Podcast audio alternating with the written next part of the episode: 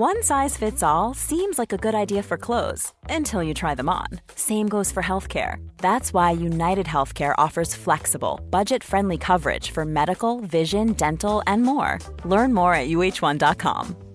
There's never been a faster or easier way to start your weight loss journey than with PlushCare.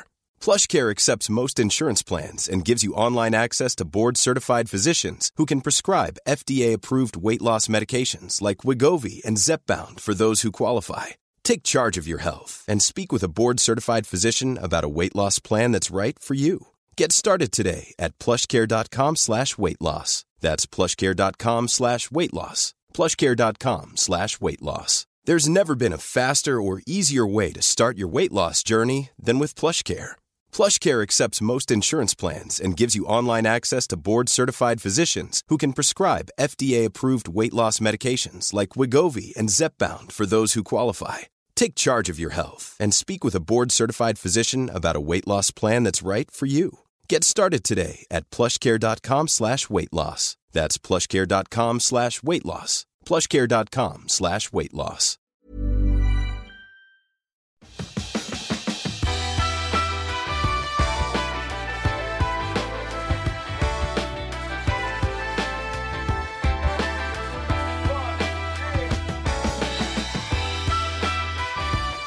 Hej och välkommen till Klimakteriepodden med mig, Åsa Melin. Jag tänker mycket på vad som är vad när det kommer till klimakteriet och att man de facto samtidigt blir äldre och därmed måste acceptera att många funktioner gradvis försämras. Vi har nog alla upplevt att hjärnan inte riktigt beter sig som önskat i alla lägen. Och jag vet inte hur många gånger jag har hört att man oroar sig för att man håller på att bli dement när det blir svårt att komma ihåg saker, man tappar trådar, känner sig nere. Ja, vi har ju fått lära oss att livsstil påverkar hjärnan. Till exempel att sömnen är oerhört viktig eftersom en del av hjärnans rening sker i djupsömn. Också att vitamin B6 och B12 är viktiga och att vi får i oss omega-3 och annan bra näring såklart. Vi behöver röra på oss, vara i sociala sammanhang och vi behöver dessutom ge hjärnan utmaningar. Men det är ju också så att vår genetik spelar roll. Vi har också berört hjärnan på flera sätt tidigare så du får jättegärna lyssna tillbaka på avsnitt 266 som heter Bromsa ditt åldrande, avsnitt 280 Koppling mellan hjärna och tarm, 223 som handlar om att just rena hjärnan. Men när ska man bli orolig då för att man faktiskt håller på att bli dement? Och vad ska man göra då? Vad är direkt kopplat till hormoner och vad i själva åldrandet är det som försämrar hjärnans funktion? Det ska vi närma oss i det här avsnittet och jag har med mig Tord Nässén som är senior professor i barn och kvinnors hälsa på Uppsala universitet. Och han arbetar även kliniskt som gynekolog på Gynhälsan i Uppsala. Alzheimers är den vanligaste formen av demenssjukdom. Och då brukar man säga förenklat att hjärncellerna gradvis förtvinar och dör. Vaskulär demens nämns också i avsnittet. Det är den näst vanligaste formen som påverkar blodkärlen i hjärnan. På klimakteriepodden.se finns det länkar till fler bra webbsidor där du kan läsa mer för att bredda kunskapen om demens. För jag tror att det kan finnas eh, flera obesvarade frågor efter det här avsnittet som har fokus på just östrogenets betydelse för kognitionen. En bit in är det lite tutande och ljud i bakgrunden här på avsnittet och det är studentfirande ungdomar. Lite svårt att få bort det där. Så det får bli en påminnelse om ungdomens bekymmersfria tid. Så välkommen att lyssna.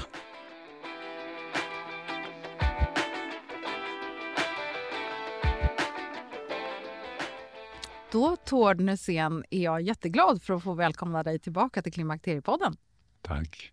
Det var en stund sen nu. Du har ju varit frekvent, höll jag på att säga, men du var med redan i avsnitt 11 av Klimakteriepodden.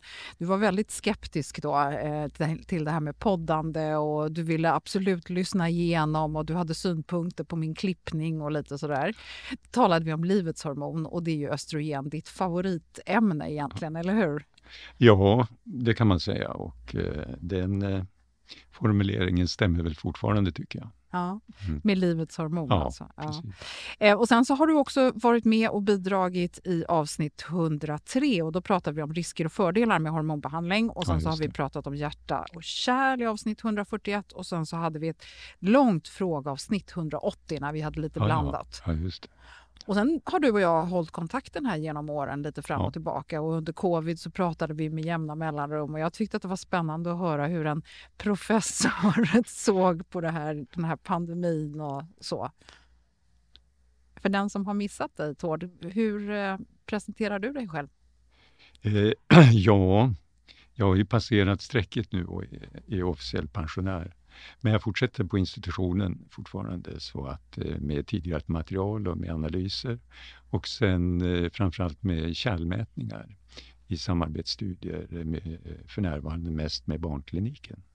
Och sen så är du fortfarande aktiv gynekolog på en klinik i Uppsala. Ja, jag jobbar i snitt en dag i veckan. Ja. Ja. Och hur kommer det sig att du vill hålla kvar i den biten? Jo, det har ju varit mitt område hela tiden, både kliniskt och forskningsmässigt. Så därför känns det naturligt och även väldigt kul faktiskt att eh, göra det. Ha en fot kvar. Ja, Sen har ju du varit med i Svensk förening för obstetrik och gynekologi och varit med och eh, reviderat eh, och uppdaterat riktlinjerna som vi har i Sverige som, som gäller idag också. Och eh, det är väl ett kontinuerligt arbete tänker jag. ja det är ju ett dokument som får uppdaterats fortlöpande förstås. Mm. Men jag tycker det blev bra faktiskt, om jag får säga det själv. Så du tycker inte att just nu att det är någonting som påkallar en uppdatering eller en ny revidering eller så? Eh, nej, jag vill inte säga någonting sånt eh, just nu. Nej. Du har dina personliga åsikter, Ja. ser jag i blicken. Ja. Okej, det är som vanligt att det är svårt att dra ur er som är liksom i, i getingbot. Så är det svårt att dra ur er alla sanningar. Eh, Ja, eller eh, som man själv tycker och som kanske inte riktigt är moget. Ja, precis. Ja. Okej, sanningar som inte är etablerade med forskning eller mogna för att tas emot av allmänheten. Kan Ja. man säga så? Ja, ja. Och av forskarvärlden också. Ja, Ja. just det. Nej, men för det tycker jag är väldigt intressant när man diskuterar med er som har jobbat både kliniskt och med forskning, att ofta har ni ju en otrolig erfarenhet och, ni, och det ingår ju i läkaryrket det här med beprövad erfarenhet. Men den tycker jag väldigt ofta liksom inte riktigt får komma fram utan man vill hålla sig i den här forskningen och så, så vill man inte uttala sig så mycket runt omkring. Jaså? Ja, Nej, men du hör ju till en av de som är ganska frispråkiga när det gäller... Du är ju väldigt eh, för östrogen, hormonbehandling. Du har ju sett i din forskning och det du så att säga, har jobbat med mycket internationellt har ju du hela tiden liksom varit väldigt positiv till det. jag har ju varit positiv hela tiden. Ja. Ja. Så det är skönt nu att eh, vindarna har vänt och framförallt för kvinnorna att eh, man får hjälp. Eh, det var ju några decennier som eh, det, det inte var bra kan man säga. Mm. Alltför utbredd rädsla för hormoner. Men eh, dessbättre börjar ju det korrigera sig nu och det märker man ju också på intresset från kvinnor där man ser då i mottagningen. Många är ju väldigt välinformerade idag på, på ett helt annat sätt än bara för något decennium sedan. Mm. Ja, och där hoppas ju jag att Klimakteriepodden verkligen hjälper till. Eh, idag, Tord, så ska vi ju då prata om olika aspekter. Eh, ja, vi har pratat i Klimakteriepodden i de här tidigare avsnitten om olika aspekter av menopaus och klimakteriet. Och idag ska vi försöka eh, fokusera på kognition eh, och Alzheimer. Jag är ju väldigt nyfiken på det här med hjärnan och det började nog egentligen för ganska många år sedan när jag läste en bok av eh, en eh, eh, forskare och läkare i USA som heter Lisa Mosconi som är ganska, hon, hon har liksom lyckats popularisera vetenskapen och forskningen som hon har jobbat med. Som, den här boken som jag läste då heter The XX Brain. Och när man läser den så får man ju väldigt mycket information till sig och då får man ju lära sig att en faktor för Alzheimer och demens och så vidare är ju det, det genetiska och sen så finns det ett antal olika riskfaktorer som man själv kan så att säga påverka mer eller mindre. Ur, ur ditt perspektiv, vad, vad tänker du när vi, pratar, när vi liksom nämner kvinnor, menopaus eh, och Alzheimer? Jag är ju ingen Alzheimer-forskare, men från mitt perspektiv så eh, vill jag nog se det mer att ingå eh, som en utav de viktiga åldersrelaterade sjukdomarna eh, som vi har. Och som accelererar oftast för kvinnor efter menopaus. Till exempel risken för diabetes ökar efter menopaus. Eh, arteriosklerosen ökar också och risken för hjärtinfarkt ökar från väldigt låg nivå. Eh, benmasseförlusten sker och ökad risk för frakturer. Och balansen också försämras, som nog är en viktig faktor just för frakturrisken. Samtliga de där faktiskt förbättras av hormonbehandling. 30% lägre risk att utveckla diabetes, 50% lägre risk att få eh, hjärtinfarkt och ungefär en halverad risk för osteoporotiska frakturer, typ eh, radiusfraktur och höftfraktur. Eh, och många av de här eh, åldersrelaterade sjukdomarna är också de facto riskfaktorer för kognitionsförsämring och Alzheimer. Så därför är det väldigt jäckande tycker jag att tänka i termerna och det verkar understödjas mer och mer nu också att eh, hormoner har en positiv effekt även på kognition och möjligen Alzheimer på längre sikt. Jag tycker att det är intressant att det här med klimakteriesymptom att de ofta börjar med att man upplever antingen nedstämdhet eller man kanske upplever hjärndimma, man känner hjärntrötthet. Eh, man kan uppleva, det tyckte jag själv under en period var jätteknepigt att hålla trådar. Jag tyckte att jag hade svårt att komma ihåg namn och då blir man orolig för att det är någonting som, som snabbt har försämrats i, i hjärnan och man tror att man håller på att bli dement. Va, va, hur kan man koppla ihop det här med vad som egentligen sker? ja, eh, tiden går ju förstås, men just de här förändringarna i oftast före riktiga klimakteriet då kom ju ganska abrupt ibland. Och det tror jag inte direkt har att göra med strukturella förändringar och förändringar som man ser vid Alzheimer och så vidare, utan det här är mer akuta förändringar av eh, fluktuationerna i hormonerna som verkar bli större då när man närmar sig menopaus. Och effekter på olika ne neurotransmittorer som gör de här snabba effekterna. Eh, de går ju bort också snabbt och efter hormonbehandling går det bort inom dagar, någon vecka. Så det tror jag, eh, de symptomen tror jag som sagt är, är effekter av eh, mer eh, nära, närliggande karaktär. Sen har vi de här mer långsiktiga effekterna på åldrandet på hjärnan. Då. Eh, och det, det sker ju successivt. Hjärnvolymen minskar. Eh, hela hjärnan blir mindre. Även områden som hippocampus och som är viktig för kognitionen minskar.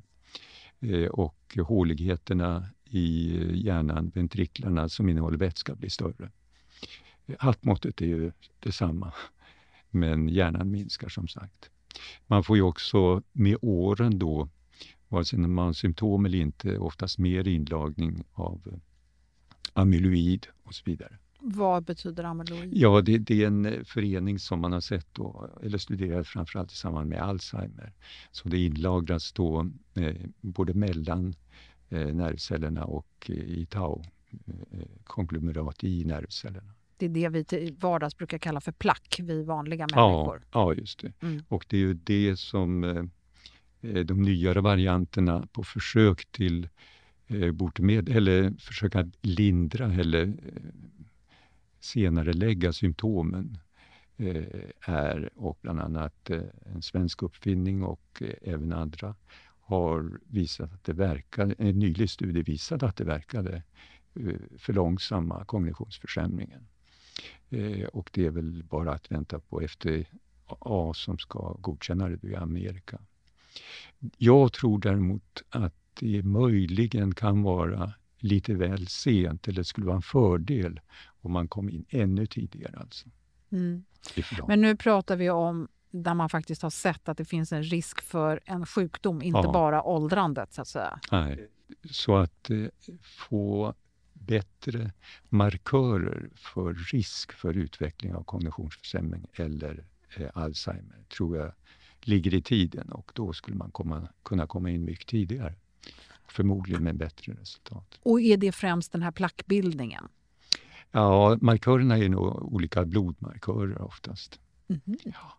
Som till exempel? Ja, det är glukosmolekyler och det är eh, eh, man har intresserat sig mer nu också för astrocyterna. Alltså det är en typ av glias, gliaceller, är allt som finns emellan av celler, mellan neuronen. Och där astrocyterna utgör större delen. Och eh, de verkar Eh, sammanhänga med eh, eh, aktiverad aktiverade astrocyter verkar sammanhänga med utveckling av, av sån här amyloid. Och det verkar börja finnas nu metoder där man kan se blodmässigt om sådana astrocyter är aktiverade. Och det tycker jag är väldigt intressant om man då kan komma tidigare i insättandet av eventuell behandling. Ja. Jag tänker på en sak som händer i klimakteriet för väldigt många av oss är ju det här med vallningar. Ja. Och då pratar man ju om att det är hjärnan som inte riktigt kan reglera termostaten. Eh, hur har den med det här att göra då? Och hjärnans funktion? Ja, det är nog mer den här snabba eh, påverkan på neuropeptider och så skulle jag tro. Och vad är en neuropeptid? Ja, det är små, små Eh, ämnen, proteinlika ämnen som eh, underlättar eller blockerar eh, funktionen i hjärnan kan man säga. Och den vänjer sig så småningom och det är därför vi då blir av med våra vallningar, de flesta av oss i alla fall? Ja, det tror jag. Eller, men det är bara en hypotes att, att det skulle kunna ha att göra med beroendesystemet som sådant hos den enskilda individen. Hur snabbt man eh, kommer till ro med det där och inte får så mycket besvär. Ja, okay. En del har ju inga besvär alls. Nej. Nej. Nej. Men om vi kommer tillbaka till de här symptomen som många kvinnor känner då med, med de här alltså hjärntröttheten och, och den här svårigheten att hitta trådar och att man eh, upplever den här så kallade hjärndimman. Vad, vad beror det på då? Ja, det tror jag som sagt är de här snabba förändringarna eh, orsakade av eh, eh fluktuationerna i könshormoner. Ungefär som vid PMS, man reagerar på, på olika konstellationer eller förändringar i hormonerna med sådana här symptom. Och för mig är, är PMS och klimakteriebesvär eh, samma andas barn egentligen. Det är en hjärnans reaktion på förändringar i, i hormoner. Och oftast kan man då eh, få besvärslindring eller frihet med en hormonstabiliserande behandling helt enkelt, även innan menstruationen har slutat.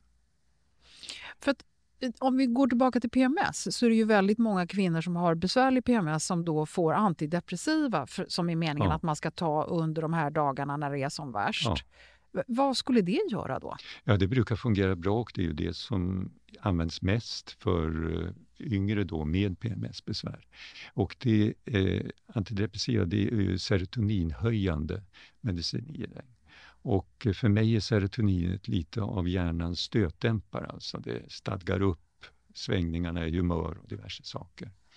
Eh, man kan också säga att östrogen är också serotoninhöjande, så på det sättet har det en, eh, samma funktion därvidlag. Det är också så att även kvinnor med PMS ibland blir bättre av, av en hormonstabiliserande behandling, även om de är långt ifrån menopaus. Och vad skulle det kunna vara? Typ eh, klimakteriemedicin. Mm. Och det är för att det fluktuationen, alltså att, det, att hormonerna åker upp och ner, det är det du tror är boven? Ja, det tror jag är, är största grunden till det. Men jag tänker att, så att man tar udden av de här riktiga svackorna. Men jag tänker på det här med hjärndimman som jag själv minns när jag var så där precis runt 50.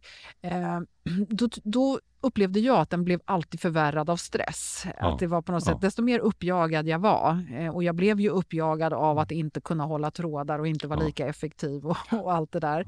Hur hänger då stress och eh, det här med de här hjärnpåverkan ihop? Eh, ja, eller man kan säga att hormonsituationen och stress det intryck jag har fått är att eh, låga hormoner ger mindre stresstålighet eh, och därmed också oro då för att man inte ska klara saker.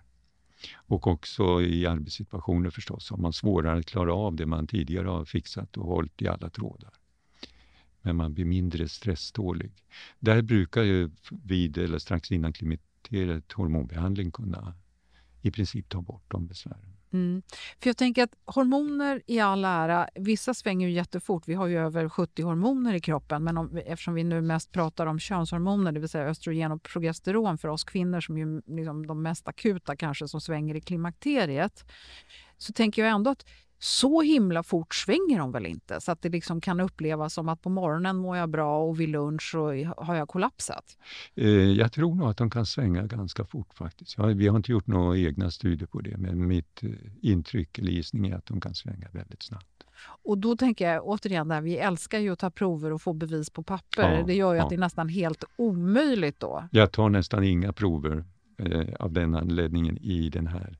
För jag tycker Oftast har vi ingen hjälp av proverna på grund just av det här att de svänger så mycket. Tar du ett prov eh, nära menopaus så kan det vara postmenopausalt värde. Tar du samma prov eh, en vecka senare är det premenopausalt. Mm. Så det går hit och dit. Alltså. Mm. Eh, eh däremot kan det ibland vara idé eh, att ta det om man inte får effekt av behandlingen och man kan misstänka att det är dålig absorption. Då. Det kan gälla både tabletter eller plåster. Då kan det bli en konfirmering då att man får inte tillräckliga serumkoncentrationer. Alltså. Eller också byter man bara från tabletter till plåster eller ja. tvärsom.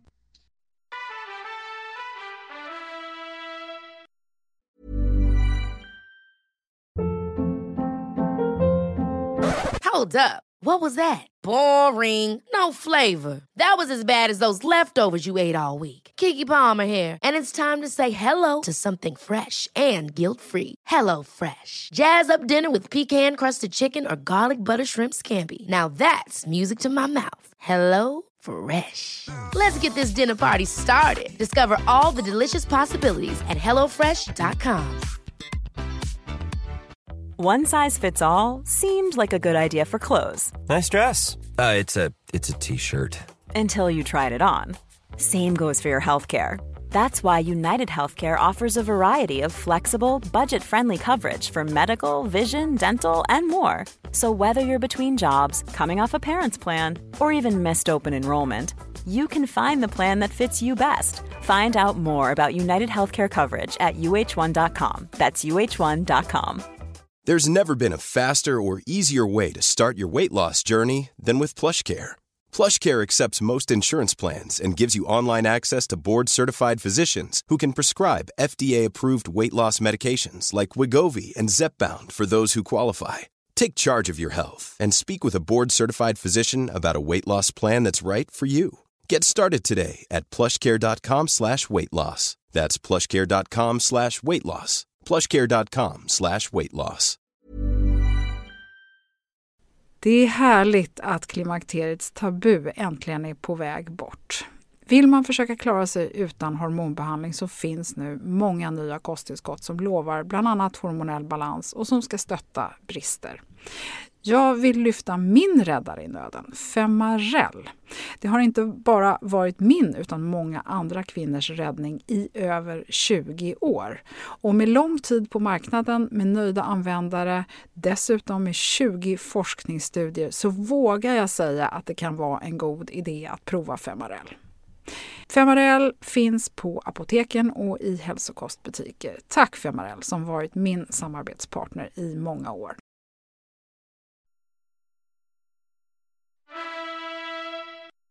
Eh, Tord, vad är det som egentligen östrogenet gör då, det här enormt kraftfulla hormonet? Vad har det för roll för den här kognitionen och hjärnans funktion och även risken för Alzheimer?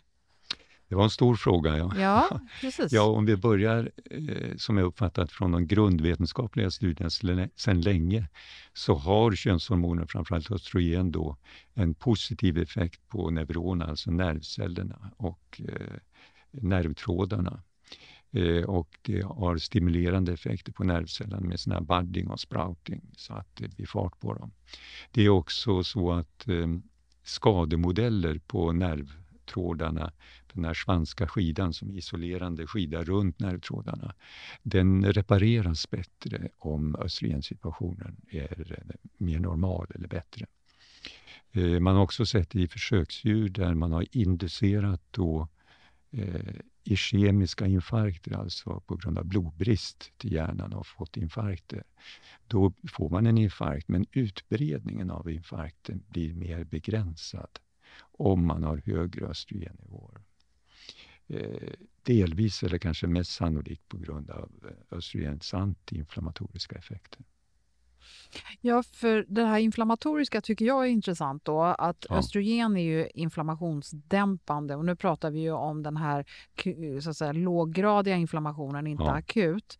Och, och, då tänker jag på plackbildningen och det här med eh, även blodgenomströmning och så vidare. För vi vet ju att om artärer och blodkärl och så vidare börjar klogga igen så är inte det bara i kroppen utan det är väl också i hjärnan och det borde ju också ha en ganska stor effekt. Mm, absolut. Man har ju vaskulär demens också, en del, en undergrupp till demenserna. Eh, så det är helt klart. Och ehm, eh, hormonerna har ju effekt eh, framförallt på när, medan kärlen är ganska friska att eh, vidga kärlen via det här nitric oxide-systemet. Så då ger den vi, eh, mer blodgenomströmning. Mm. Och då när vi kommer in i menopaus och det har lugnat sig lite grann, då, då, är det ju, då, hänger det ju, då, då svänger och far det ju inte lika Nej. mycket. Blir det inte lite lugnare då? då? Eh, eh, Visavi de här eh, mer akuta besvären som har upplevt i perimenopaus så brukar det bli lite lugnare. Däremot eh, tror jag nog att den här låggradiga inflammationen mer eller mindre överallt i kroppen, den eh, fortgår ju. Mm. Och det är ju den som oftast eh, tär på organen och organfunktionen. Men hur ska man då som kvinna veta om man har eh, eh, en, en risk för det här? Alltså när ska man bli orolig när man känner av de här symptomen som uppenbarligen har med hjärnans funktion att göra? Ja, är det så att man är orolig som vi diskuterade då före menopaus eller kring menopaus, eh, då får man ju i första hand eh, fråga sig om det är klimakteriebesvär helt enkelt. Och i de allra, allra flesta fallen så brukar det bli bättre då. Ibland oftast helt bra med hormonbehandling. Eh, är det senare eller under längre tid, då är det ju mer en en sak för experterna att avgöra om man har en verklig kognitionsförsämring. Så man får göra tester och så. Men andra symptom, det är väl om det är helt uppenbart att man eh, går vilse eller inte klarar saker som man tidigare har klarat eller inte förstår saker som man tidigare har snappat rätt. Så det här med att glömma ett namn och lite sådana, jag inte veta var man har lagt nycklarna, det är inte så Det stort. hoppas jag är för vanligt. Så att, eh, det är mer än, än, än, ett normalt... Eh, jag tänker själv att det handlar mycket, att göra, eh, mycket om det här med att man inte riktigt är koncentrerad. Fokus och koncentration. Ja, ja exakt. Ja. Nej, annars att eh, hormoner har att göra med det här. Det finns många aspekter. Alltså man får tidig menopaus, prematur menopaus, eller om man tar bort äggstockarna väldigt tidigt. Det är också ökad risk för kognitionsförsämring och Alzheimer. Och eh, alla eh, andra symptom efter klimakteriet, inklusive de här kroniska sjukdomarna. Och det förbättras också. Likaså har man sett att eh, p-piller, om man har långt p-piller tidigare, i en del studier ger bättre kognition så småningom. Jaha, intressant. Ja. Annars är det ju p-pillerna pratar man ju mycket illa om nu för tiden. Ja, det är ofta så. Mycket har ju fokuserat på diskussioner om bröstcancer som är svårt att utvärdera där. Eh, men eh, det finns också studier som har studerat, men inte helt ensamstämmigt, att den här liksom livstidsexponeringen för, för östrogener, om det kommer tidigt i menarke, alltså där menstruationen börjar, sent i menopaus, om du har många graviditeter som är väldigt höga östrogennivåer då, att det skulle vara positivt för, för kognition och Alzheimer-risk. Men där finns det studier som talar i bägge riktningarna. Ja, okej. Okay. Du, eh man pratar ju mycket om nu för tiden, det är så populärt att prata om eh, tarmbakterier och forskning och så vidare och hjärnan och att det sitter ihop. Att nu, nu pratar ju liksom hjärnan på något sätt med allt och, ja. och alla i, i, kroppen. Eh, det där eh, vågar jag nog inte ge mig in på. Det tas ju upp i alla sammanhang. Förmodligen är det väldigt viktigt. Det enda som jag kanske skulle knyta an här det är att Metformin, det man använder vid diabetes, Eh, det har ju också eh, enligt en del studier visat sig vara en fördel visavi kognitionsförsämring och så. Diabetes som vi sa är ju en riskfaktor för utveckling av kognitionsförsämringar. Eh, däremot prediabetes är det också, men om man justerar för andra hjärt-kärlriskfaktorer, fett och blodtryck och så vidare, då är det inte associerat till kognitionsförsämring. Och Metformin då, enligt någon eller några studier, har kunnat eh, linkas till ett förändring av det här mikrobiomet i tarmen. Om det är det som är mekanismen för de här effekterna eller inte vet jag inte. Men det var det som slog mig när du tog upp det här med mikrobiom. Annars vet jag ingenting om det. Nej, nej men alltså, jag tycker att det här är intressant. Och sen pratar man ju jättemycket om socker, att socker är plackbildande i hjärnan. Att det skulle klogga igen, eh, att det är så farligt att äta socker. Eh, ja, eh, det beror på vad man har för eh, insulinsockermetabolism och om man är prediabetiker eller inte. Normalt sett tas ju sockernivåerna som man får av det man äter ner väldigt snabbt Eh, efter. Men om man prediabetes eller diabetes då blir det en väldigt långdragen kurva. Alltså exponeringen för högt blodsocker är, längre då. Och det kan nog tänkas ge inflammationsreaktioner också. Mm. Det har vi ju precis pratat om i ett avsnitt här av, om, av Klimakteriepodden 284. Då pratade vi just om det här, riskerna med högt blodsocker och där kom ju då liksom plackbildningen i hjärnan in då som är, mm. skulle kunna vara en faktor för eh, försämrad kognition. Precis. Eh, annars kan man säga också att risken för kognitionsförsämring, framförallt Alzheimer, det är ju dels åldersberoende, det är väl den största faktorn. Men också kön, alltså att vara kvinna ger de facto att det är ungefär dubbelt så många kvinnor som har Alzheimer än män. Då kan man fråga sig om det beror på, eller det har diskuterats tidigare, att det skulle bero på att kvinnor har längre livslängd. Så att man då är at, at risk under en längre tid. Och eftersom det är väldigt åldersrelaterat så kan det väl ligga i det. Men det är nog inte bara så, utan man har nog sett att också framförallt i det här övergångsskedet eh, till menopaus eh, eh så har bland annat Mosconi visat att eh, menopausala kvinnor då eh, under en treårsperiod som man har följt upp och jämfört med premenopausala kvinnor och män så har man visat att det är en högre inlagring av eh, sådana här eh, proteiner som inte är bra och markörer för Alzheimer. Plus att man har en eh, större förlust av hippocampusvolymerna i det hjärnområde som är speciellt förknippat med kognition. Alltså du menar att det är en snabb förändring just kring menopaus? Ja, det blir en accelererad eh, hjärnåldrande enligt de studierna. Det skulle också, om jag får anknyta till de här övriga folksjukdomarna, stämma väldigt bra med att eh, eh för kärlen så ser man framförallt en förändring då direkt efter eller samband med menopaus. Eh, och också för benmassan. Mm. Då förlorar man benmassa väldigt snabbt som avtar så småningom i hastighet. Och det verkar eh, då i en tänkt situation när man använder hormoner så verkar det en fördel att komma in så tidigt som möjligt när organen eller organfunktionerna är så normala som möjligt. Och det verkar gälla både benmassa eh, och även kärlen. Mm. Så att man i mycket kan återställa eller förbättra det med. Mm. Så det är frågan då om det också eh, borde gälla för de här eh, negativa effekterna av låga östrogener på kognition. När vi, vi pratar om det här så, så blir det så här att man pratar om att man vill hålla hjärnan frisk och då gäller det att undvika de här eh, livsstilssjukdomarna uppenbarligen och du är en förespråkare för även östrogen eller en, att man har hormon, tar hormonbehandling eh, är ju uppenbart. Eh, vad, vad finns det mer man kan göra för att hålla sin hjärna frisk? Nej, det är som du säger, det allmänna livsstilen, ett sunt leverne helt enkelt. Motion, Cykling verkar bra i många kardiovaskulära aspekter. För äldre eh, föreställer man också att det är väldigt viktigt att man korrigerar med eventuella hörapparater för sådana som har hörselnedsättning. Alltså en deprivering av in, inflödet till hjärnan tror jag inte är bra eh, och kan då försämra läget om man är på väg att kognitionsförsämras. Så en så enkel sak som hörapparater tror jag är jättebra.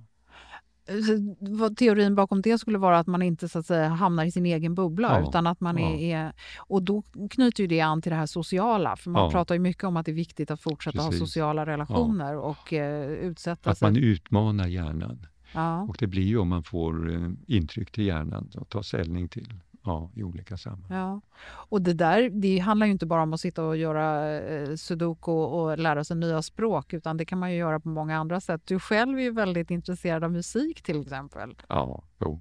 Det måste ju vara ett ganska avancerat sätt att hålla hjärnan igång. Eh, Ja, i alla fall för mig. Nej, men jag brukar säga att eh, eh, en enda situationen jag upplever att jag tycker man känner när man använder hjärnan, det är när man försöker prata ett främmande språk och när man försöker spela noter som man inte har sett förut. Okej. visst, ja. Då får man koppla på hjärnan. Ja, okej. Så på det sättet verkar det stämma. Ja, för mig är det väldigt utmanande att försöka läsa forskningsrapporter. Ja, för ja. det är så mycket ord som jag inte kan, som jag måste slå upp och jag måste vara väldigt fokuserad och koncentrerad. Eh, finns det någon annan intressant eh, pågående eller ny forskning då som man ska eh, liksom kanske det, de hålla ögonen senaste på? rapporterna ja, är ju eh, de här som har fokuserat på att eh, Eh, förbättra eller minska utveckling av de här depositionerna i hjärnan med, med proteiner. Och det var senast nu för någon vecka sedan positiva resultat. Eh, och eh, det, det är bra. Däremot är flera av de där preparaten ibland också associerade med en del negativa effekter med hjärnsvullnad och så. Eh, Så att vad jag tycker är mest, det är jättebra att det kommer förstås, det är det. Eh, det är möjligt att det skulle ha ännu bättre effekt om det kunde sättas in ännu tidigare. Det är ju en väldigt kontinuum det här från utveckling från helt frisk till eh, kognitionsstörd. Så mitt eh, största intresse skulle nog vara att fokusera på, på metoder att, eh, som kunde pre, eh, förutsäga att man kommer att få Eh, kognitionsförsämring eller Alzheimer. Det finns de uppe i väldigt hög ålder som synbarligen har väldigt bra hjärnförmåga, minne och, och så. I, enligt de studier jag eh, kort nämnde förut också så finns det 90-åringar som har superbt minne. Eh, det märkliga då är att eh, även hos dem såg man sådana depositioner av amyloid, ungefär som vid Alzheimer. Men de fick inte de konsekvenserna. Men å andra sidan såg man att andra eh, tecken på hjärnaffektioner var mindre utvecklade. Så det är, det är många saker som kan bidra förmodligen till när man verkligen får symptom och besvär.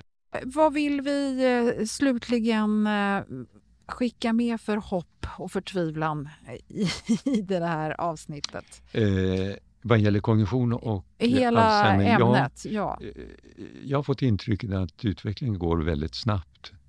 Och som sagt, eh, de största förhoppningarna jag har, det är på att man kommer vidare med markörer för mm, eh, demens och Alzheimer. Så att man kan komma in med eventuella terapier kanske tidigare. Jag tror där liksom för skelettet och för kärlen är det viktigt att komma in så tidigt som möjligt för att få eh, bevara bästa effekten. Så det är min största förhoppning att det går snabbt. Och det skulle då kunna göras med ett enkelt blodprov i samband med att man kollar andra vanliga... fall. Och då skulle det kunna göras redan i 30-40 års åldern innan vi... Eh. Det törs jag inte svara på. Nej, men jag Nej. bara tänker rent Ja. tekniskt framåt. Så det känns ju som att vi, vi går så snabbt framåt Ja. även med eh, vad som går att sätta in när. Det var ju som du nämnde själv en del genetiska markörer också men andra markörer hoppas jag på. Mm. Jag skulle avslutningsvis vilja tala till den kvinnan som upplever att hon, hon känner sig orolig för att eh, det inte står rätt till. Vad ska hon göra och när ska hon vara orolig och när ska hon inte vara orolig? Eh, ja, är hon före men menopausålder eller kring menopausålder eller tidigt i menopaus, då tror jag man i första hand ska fråga sig hur mycket av de här besvären kanske orsakas av hormonerna. Och om det inte är några kontraindikationer då prova hormonbehandling. Sen eh, effekten på många av de här symptomen brukar komma ganska snabbt, ibland inom dagar. Men inom två, tre veckor är det uppenbart. Förutsatt att, att hormonet tas upp igen. Eh, så jag brukar säga, har du inte känt eh, på alla klimakteriebesvär, har du inte känt någon påtaglig förbättring inom två, tre veckor, då är det lika bra att du kommer tillbaks. För då måste vi ompröva hur man ger det eller på ett annat sätt. Mm. Om man fortfarande tror att det är klimakteriebesvär.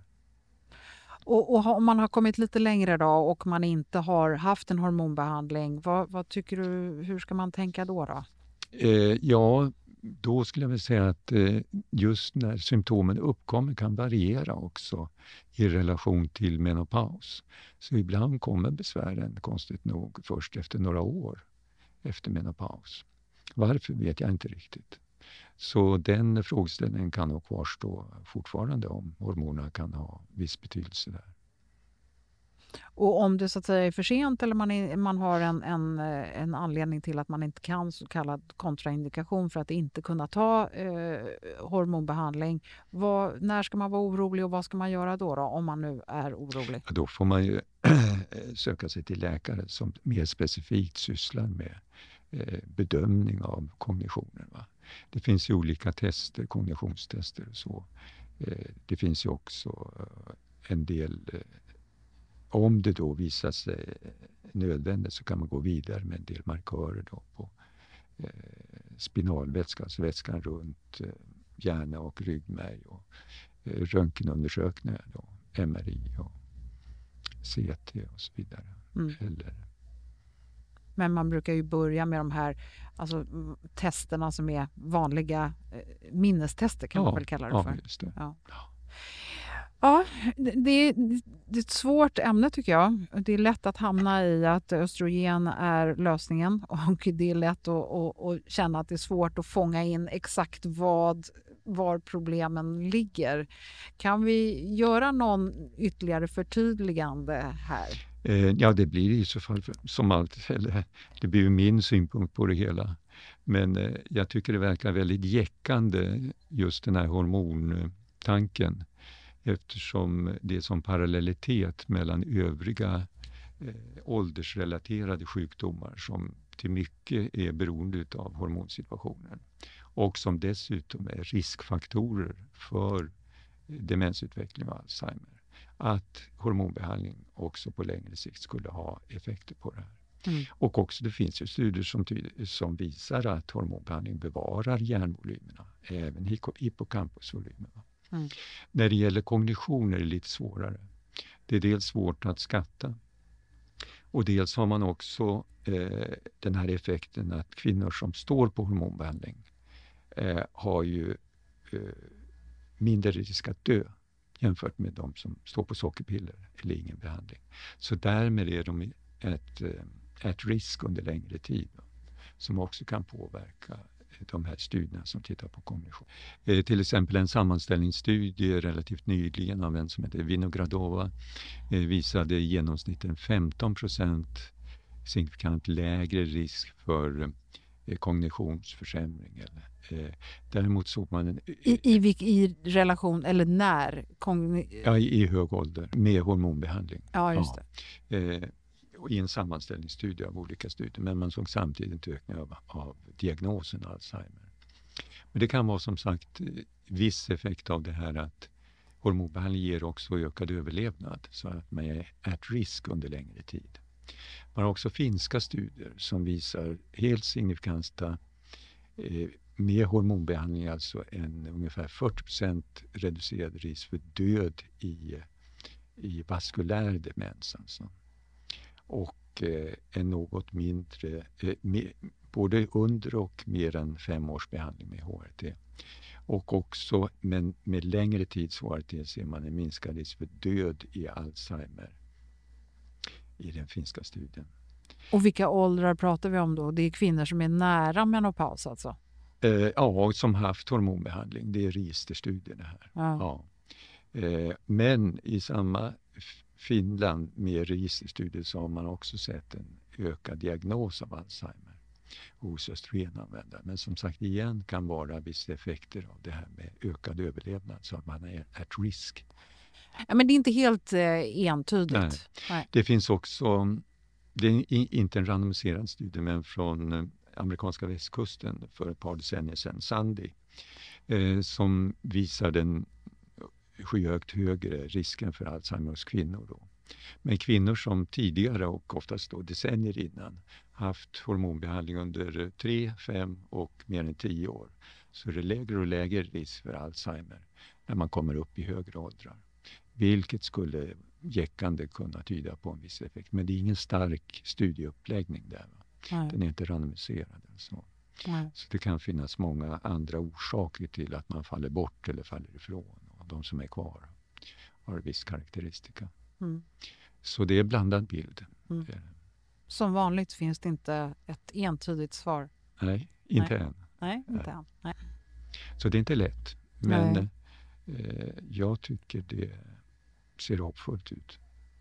Vad är det som ser hoppfullt ut? Eh, östrogentanken i relation till kognition och Alzheimer. Mm. Återstår då männen. Men det är en annan sak. Ja, precis. Vad ska vi göra med er då? Det är väl bättre att vi gaggiga ihop, tänker jag. Ja, nej, för mig är det mycket parallella förhållanden. Det är bara det att eh, vi män fattar inte vad det är frågan om eftersom det går så långsamt den här sänkningen av könshormonerna. Eh, Så därmed har ju också intresset och forskningen där varit eh, nästan non-existent. Mm. Men jag hoppas att det kommande ökar forskning där också. Det För- borde vara väldigt, väldigt likheter. Dessutom många effekterna av testosteron hos män det är de facto efter aromatisering till östrogen. Vad, du får förklara det lite närmare. Ja, alltså eh, kroppen tillverkar ju könshormoner från kolesterol egentligen.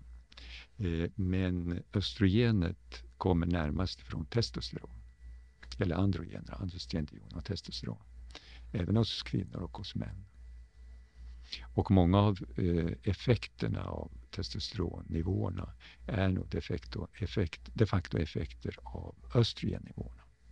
Det har man sett eh, bland annat på benmassutveckling och så hos män. Jag kan inte heller låta bli att tänka då så här, om östrogenet är så kraftfullt för oss, är det testosteronet för er då? Eller vad, vad ska ni göra? Ska ni också börja ta östrogen eller ska ni ta testosteron? Vad, vad ska ni göra? Ja, det är en väldigt intressant och viktig fråga som vi bör eh, hänskjuta till de som forskar inom det här området. Då. Men klart är ju att, eh, som jag sa tidigare, vi män märker ju inte så eh, uppenbart av att hormonerna sjunker. Vi tror att allting är som tidigare. Dessutom är det så att vi har huvudsakligen testosteron, men faktiskt i åldrarna 65-70 år, då är faktiskt östrogenkoncentrationen i blodet ungefär tre gånger så stor hos män jämfört med kvinnor. Än tidigare i deras liv Nej, eller alltså, bara jämfört med 65-70-åriga kvinnor. som inte tar hormonbehandling? Ja. Det är därför vi blir så arga på våra män som har blivit så mjuka och Ja. gulliga. Och om det sen har att göra med att Alzheimer-antalet eh, är lägre hos män eller inte, det törs jag inte svara på.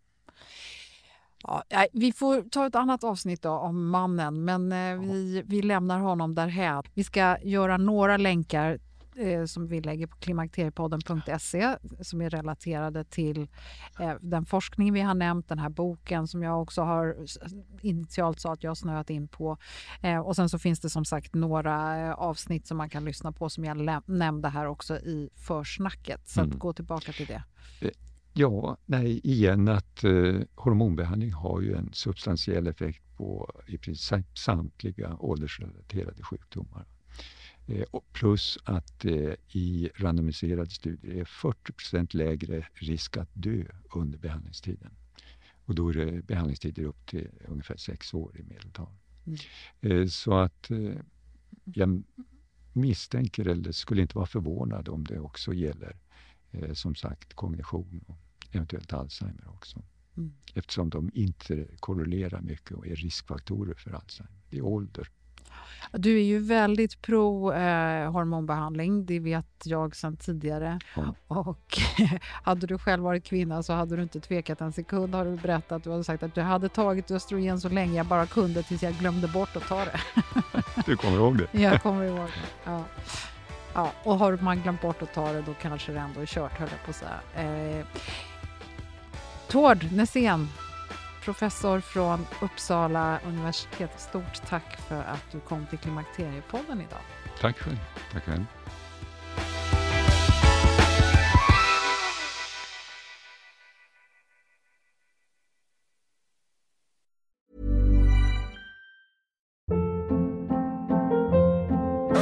Hold up. What was that? Boring. No flavor. That was as bad as those leftovers you ate all week. Kiki Palmer here, and it's time to say hello to something fresh and guilt-free. Hello Fresh. Jazz up dinner with pecan-crusted chicken or garlic butter shrimp scampi. Now that's music to my mouth. Hello Fresh. Let's get this dinner party started. Discover all the delicious possibilities at hellofresh.com. Hey, it's Paige DeSorbo from Giggly Squad. High quality fashion without the price tag. Say hello to Quince. I'm snagging high-end essentials like cozy cashmere sweaters, sleek leather jackets, fine jewelry, and so much more. With Quince being 50 to 80% less than similar brands. And they partner with factories that prioritize safe, ethical, and responsible manufacturing. I love that. Luxury quality within reach. Go to quince.com slash style to get free shipping and 365 day returns on your next order. Quince.com slash style.